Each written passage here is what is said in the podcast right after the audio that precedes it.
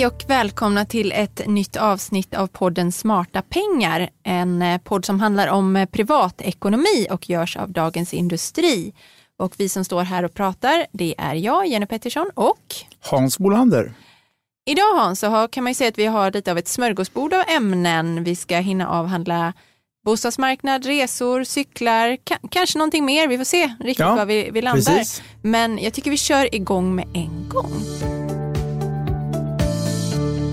I helgen så kom nyheten att det brittiska resebolaget Thomas Cook eh, går i konkurs. Eh, Thomas Cook äger det bolag som driver Vingruppen som ju många svenskar reser med. Den delen av bolaget är lönsam och är i nuläget inte alls hotad på något sätt.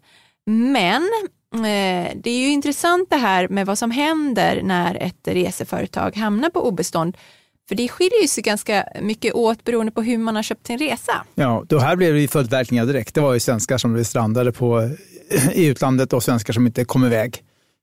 Trots att det var moderbolaget som hade gått kurs och inte dotterbolaget. Då. Precis, eftersom eh, de var beroende av flyg eh, av, ja. från ägarbolaget var väl den främsta anledningen, tror jag, som jag förstått det. Ehm, det man kan säga då är att Ving säljer ju i första hand paketresor och då finns det två lagstiftningar som skyddar om det uppstår problem. Dels är det ju då paketreselagen och det, det var ju ja. den som kickade in nu då. Eh, ja. Att Ving var ju tvungna att lösa situationen för de personerna som hade blivit strandade. Och, och då har man rätt till, till hjälp och stöd uh, från bolaget. Eh, när ett bolag går i konkurs då är det istället resegarantin som gäller. Eh, och det är en relativt ny eh, lagstiftning så som den ser ut idag. Ja, och där finns ju pengar faktiskt fonderade hos Kommerskollegium. Så att, eh, för det tycker jag inte har riktigt framgått, men det finns ju pengar fonderade som, som ska hjälpa till här. Bolagen är skyldiga att sätta undan pengar som ska kunna användas vid en eventuell konkurs. Och då är det ju, kan man faktiskt söka då på Kommerskollegiums hemsida vilka resebolag som har gjort det. Ja. som har anslutit sig till resegarantin och, och där hittar man ju Ving och alla de stora ja. bolagen men också många små aktörer. Men det kan ju vara en bra idé om det är ett bolag som man känner sig lite osäker på så kan man ju faktiskt gå in och Just kolla det. där. Men man, det man kan säga är att resemönstren håller ju på att ändra sig. Eh, idag reser många mycket mer självständigt och vi bokar, man bokar sitt eget flyg, man bokar sitt eget hotell, hyrbil, utflykter, vad det nu kan vara. Och då är det ju faktiskt lite andra regler och det kan ju vara bra att vara medveten om. Då är man inte alls konsumentskyddad, så är det ju. Liksom. Det, Nej, för då gäller inte de här paketreselagen eller resegarantin. Jo, det är framförallt vid en konkurs som man lägger risigt till, för då är du en liten en liten av många. Ja, långt, ja. långt ner på den där Exakt, listan. Ja. Men det som är är ju att eh, man, om ett flygbolag går i konkurs och du har betalat din biljett med ett kreditkort, då kan du eh, söka ersättning från kreditkortsbolaget, för så fungerar lagstiftningen att, eh, att eh, du kan också ställa ditt krav där. Men där, har du däremot köpt det med ett vanligt bankkort, alltså ett vanligt betalkort, då är det upp till bankens interna egna regler, ja. om de vill vara schyssta eller inte ungefär. Eh, så då är det inte säkert att du får tillbaka pengar. Nej. Men även om man får tillbaka pengarna för den där flygresan så kanske det inte var den som var den stora kostnaden för den här resan egentligen. Nej, det kan vara hotellet eller du skulle åkt på någon dyrbar utflykt, safari eller vad som helst. Ja, precis. Det kanske är den där safarin som är hela ja. poängen med resan.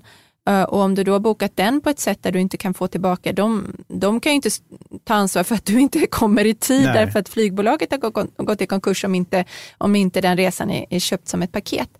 Eh, så det där är ju bra att ha, att ha koll på och då se till att man har rätt eh, skydd och avbeställningsskydd. Och, vissa flygbolag tror jag erbjuder någon form av konkursförsäkring. Ja. Men hur pass hur pass lönt det är att ta den, det vet Nej, jag det, inte. Generellt sånt brukar vara dåligt. Men man får också komma ihåg att man, man bör ju ha, när man sticker ut och reser, då, ha ändå sett till att det här kan ju hända, det kan ju vara strejklossning du måste ta dig hem Storm. på något sätt. Ja, precis. Så att jag tycker att alla bör se till att man har ett, ett visst möjlighet att kunna ta sig hem och betala nya pengar för det. I worst case så får man ju kräva pengar i efterhand. Mm. Det, det, finns en specialgrej som kan vara lite knepig. Jag reser ju ganska ofta med, med några vänner. Och I alla fall en gång om året gör vi någon resa tillsammans. Och då är det oftast en som bokar flygbiljetterna för, för allihopa. Och då, är det, då gäller inte, då är det svårare, då gäller, för, och vi bor ju inte i samma hushåll ska man säga, då gäller ju inte de här reglerna med kreditkort, eller hur? Eh, det, det, som in, det gäller ju för att få tillbaka be, pris, eh, pengarna vid en konkurs. Men det som det inte gäller för det är ju det här avbeställningsskyddet som ingår i, eh, i kreditkort. Du har ju, eh, idag är det, ganska, det är oftast helt meningslöst att köpa ett extra avbeställningsskydd för att har du betalat med kort så har du det i kortet och det finns också i vissa eh, hemförsäkringar om du har en stor hemförsäkring. Men då ska man komma ihåg att det omfattar bara den som har betalat och de närmast anhöriga. Så precis det som du pekar på eh, är ju viktigt att komma ihåg att man då kanske ska dela upp betalningen så att var och en betalar sin del med sitt kort. För om eh, då någon bryter benet och måste avboka så får annars den inte tillbaka sin Nej. del av kostnaden. Så tänk på de där sakerna när ni ska ut och resa. Du, en annan nyhet i veckan det är att HSB gör om sitt kritiserade bospar. Eh, det har ju varit hårt kritiserat därför att det har erbjudit väldigt dåliga sparalternativ. Var dåliga fonder va? eller ett uselt bankkonto? Ett bankkonto utan ränta i stort sett och så sen då två fonder hos Swedbank Robur med dålig historik och väldigt dyra i förhållande till vad man ja. har fått. Och det här är ju många sparare som... 140 000 ja. sparare har faktiskt HSB. Så För det... det är en bra sak att man kan, eh, bo, tycker jag, att man kan bospara från det.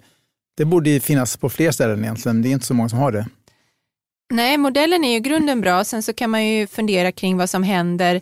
Eh, nu har, de har ungefär 25 000 hyreslägenheter då i sitt bestånd och så har det varit ett enormt inflöde till den här eh, kön eller bosparandet då de senaste åren. Och det kommer ju såklart på sikt påverka hur lång tid du måste spara för att ha en chans på en av ja. de här lägenheterna. Men jag pratade med deras, med HSBs riksförbunds vd eh, Pernilla Bonde eh, om ja. detta och hon sa att det, man får ändå nyansera bilden lite för att det, det är klart, Stockholms innerstad, där får du spara väldigt, väldigt länge för att ha en chans. Men det finns ju samtidigt kranskommuner eller mindre städer, universitetsstäder där du kanske måste, bara måste spara ett par år.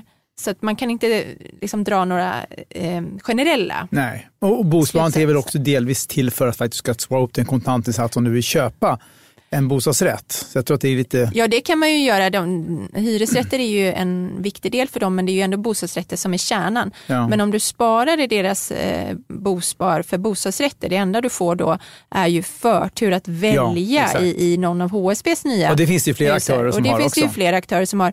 Och, och det är inte säkert att om man, om man får bättre sparvillkor någon annanstans så, så känns ju den möjligheten kanske inte väger så tungt då. Nej.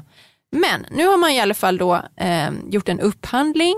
Man lämnar Swedbank och eh, flyttar över bosparandet till Danske Bank istället. Där man dels har ett sparkonto med fortfarande låg ränta men ändå i den räntemiljön vi har så får man i alla fall någon ränta på det. Och så kommer man erbjuda i ett första steg ett tiotal fonder då att välja på. Där vet vi inte vilka fonder det är. Nej, det ska presenteras om några veckor, mm, mm. men enligt vad de säger själva så kommer det finnas ett, eh, en variation då från räntefonder och till aktiefonder. Och de, de har ju själva varit medvetna om hur uselt det här är. Eh, jag pratade med dem i vintras och då pratade de om att nu håller vi på att se över det här, ja. vi ska göra en upphandling och så, vi måste kunna erbjuda fler alternativ. Och framförallt billigare fonder då. Men då är också, det är ju så att majoriteten av det här kapitalet som finns i HSB Bospar, det är nästan 4 miljarder ja, kronor. Exakt. Nästan allt ligger på sparkonto ja. med noll ränta. Då. Ja. Så nu när de gör den här eh, förändringen och överflyttningen, för då kommer spararnas pengar kommer flytta under nästa, flyttas under nästa år, då säger de att de kommer gå ut med en, mycket kommunikation, då, en kampanj för att förklara för spararna att vill du ha bättre avkastning så måste du välja nu fondalternativet. Mm. Då. Och man kan säga att bosparande är ju lite som pensionssparande. Det är någonting du gör under väldigt många år troligtvis. Kanske börjar du spara till barnen när de, ja, när de är precis. små. Det kan ju handla om 20 ja. år. Och att då ha dem på ett sparkonto Nej, nästan, det är, det är ju, otroligt dåliga Det är ju faktiskt nästan hål i huvudet på det. Så, så vi får väl se vad som händer nu, men det är ju i alla fall positivt att efter den här kritiken och den egna insikten då, att, att man faktiskt ja. Eh, gör någonting åt detta och erbjuder spararna bättre alternativ.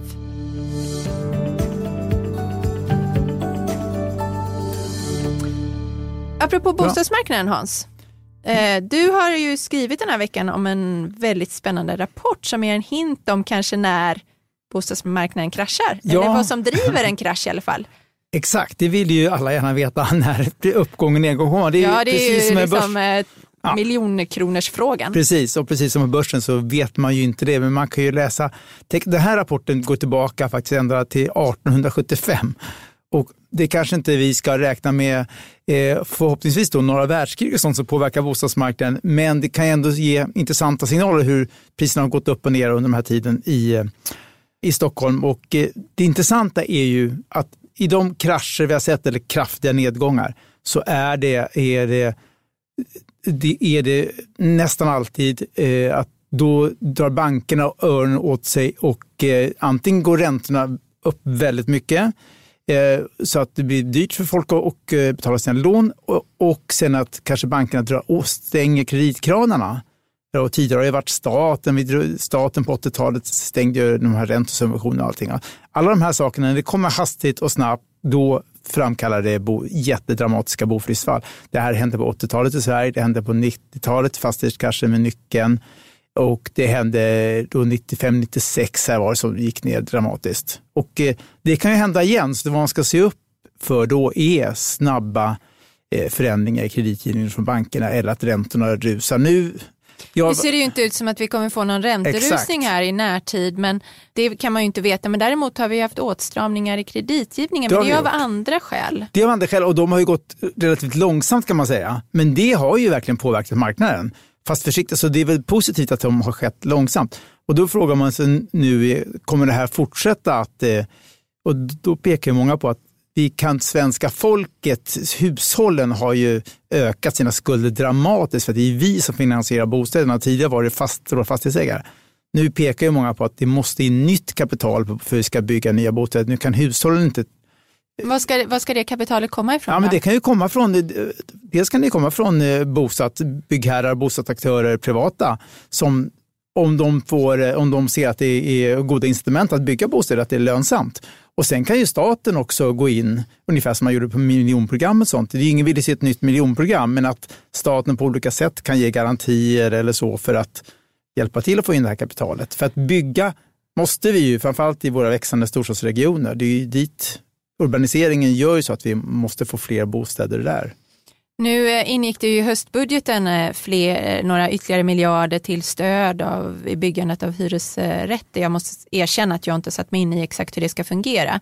Men tidigare, det där stödet har ju kritiserats från ett annat politiskt håll för att det vara ineffektivt och snarare kanske då trigga, trigga Just det, priser ja. och så. Så det kanske är, är det väldigt svårt att hitta en modell tror du som funkar? Ja, det tror jag. Jag tror man, man måste, ju- framförallt måste man ha det här, det som man pratar om, ett stort reformpaket tillsammans. Partierna måste sätta sig tillsammans och komma överens om spelregler för bostadsmarknaden när det är allt, allt från skatter till, till hur, hur vi ska Byggregler till Ja. ränteavdrag. Exakt. Alltså det är så Ja. otroligt många delar Det i det jättemånga där. delar, så där måste de sätta sig tillsammans. Och det finns ju, kunskapen finns ju, det är egentligen bara den politiska viljan som saknas. Det är väl att, också då att enskilda frågor i det här är väldigt politiskt laddade då som ränteavdraget och eh, vi, ja, vi har ju pratat nu om uppskovsräntan Ja. det, och det i en stor jättebred överenskommelse så kanske vissa av de här sakerna egentligen är mindre betydelsefulla eh, rent eh, ur något slags stort ekonomiskt Ja. perspektiv. Men de blir ändå så laddade att politikerna inte vågar ta tag i dem och då sumpar man alltihop så att säga. Precis. En annan sak som den här rapporten visade var att byggkostnaderna spelar mycket roll. De har ju ökat väldigt kraftigt i Sverige. Och, här, och det finns så många olika skäl till det. Men eh, det, vi vi ser att till exempel i Tyskland och så, så går det ju att bygga väldigt mycket billigare om man då skruvar lite grann på reglerna och tillåter standardiserat byggande. Det är egentligen det som branschen alltid säger. Vi måste kunna få bygga standardiserat stora serier. Så då kan man få ner eh, byggkostnaderna. Och så måste det vara tillgång på mark också. Kommunerna har ju Och här är ju kommunerna lite en bov i dramat kan man ju Exakt, känna. de har ju drivit upp priserna och sålt eh, så dyrt som de kan. Liksom. Och då kanske det vore bättre att ha någon annan typ av anbudsförfarande och eh, där man tar med prisparametern också. Det- Jag vet att det, det finns tankar på det här. Så att, eh, då, mark måste ju till och då får inte den vara så dyr så att det kostar lika mycket som, eh, lika mycket som fastigheten som byggs. Det blir Nej, för å ena sidan pekar på att eh, det är problem för kommunen att växa därför att man inte har några bostäder och folk kan inte flytta dit och det skadar ekonomin. Och, och, då, och så å andra sidan ta så mycket betalt för marken ja. att de bostäderna som byggs har ingen råd med. Det, det blir ju ganska tokigt faktiskt. Nej. Nej, men de har ju sett det där som en värdefull tillgång att sälja för att förbättra kommunens ekonomi. Men då, då är det liksom på, till syvende och sist så är det ju medborgarna själva som får betala där genom ett dyrare boende. Mm. Men tror du att vi behöver vara oroliga för en bostadskrasch i närtid? Nej, det tror jag inte. Eh, för att det, eh, däremot ska man alltid ha stort respektavstånd. Alltså man, ska inte, man ska hålla ner sin lån. Det är ju jätteklokt där med att amortera mycket och så här, för att, att priser kan gå, gå ner eh, 10-20 procent under ett år, det är ju inte ovanligt. Det kommer vi säkert få se.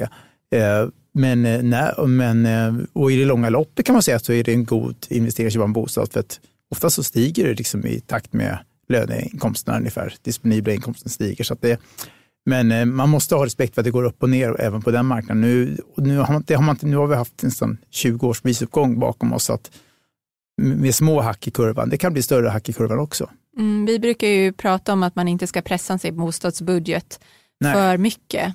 Alltså dels ska man hålla, måste man ju hålla sig till amorteringsreglerna och kanske också ska amortera även när man inte behöver det till, viss, viss, till en viss gräns. Då.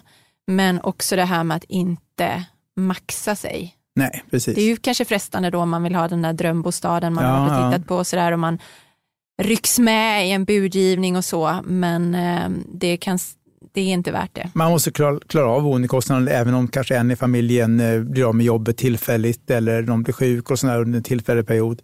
Så man kan inte bara räkna med att allt fortsätter superbra hela På tiden. Samma sätt. Nej. Spännande. Vi tänkte vi skulle runda av den här podden lite med en uppmaning att ta koll på sin cykelförsäkring. Ja, du råkade ut för någonting ja, igen. Igen! Ja, ja. Jag har blivit av med min andra elcykel på drygt ett år. Ja. Eh, ja, förra gången så, så stals den i cykelrummet i mitt ja. hus, den här gången var det utanför min port. Den stod låst och med batteriet urplockat och den lilla färdedatorn borttagen. Men det hindrade inte tjuvarna. Nu har jag gett upp det här med elcykel faktiskt. Du har det? Var, ja. De är för stöldbegärliga helt enkelt. Ja, de är ju det. Eh, och det kan ju vara vanliga cyklar vara också. Ja. Eh, men eh, då kanske det inte känns lika, lika tungt. Alltså det som, och det som var surt då, för min del, var att jag hade ju en försäkring såklart via min hemförsäkring då.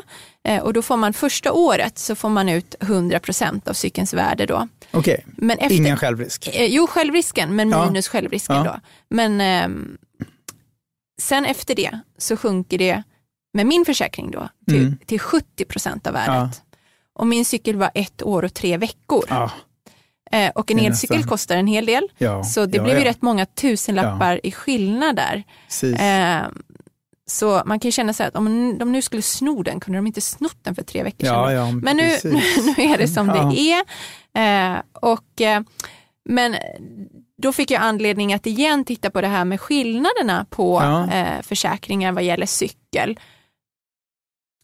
Du har ju en cykelförsäkring eh, i din hemförsäkring, eh, men det finns väldigt olika tak i dem, från ja. 10 000 upp till 100 000 då.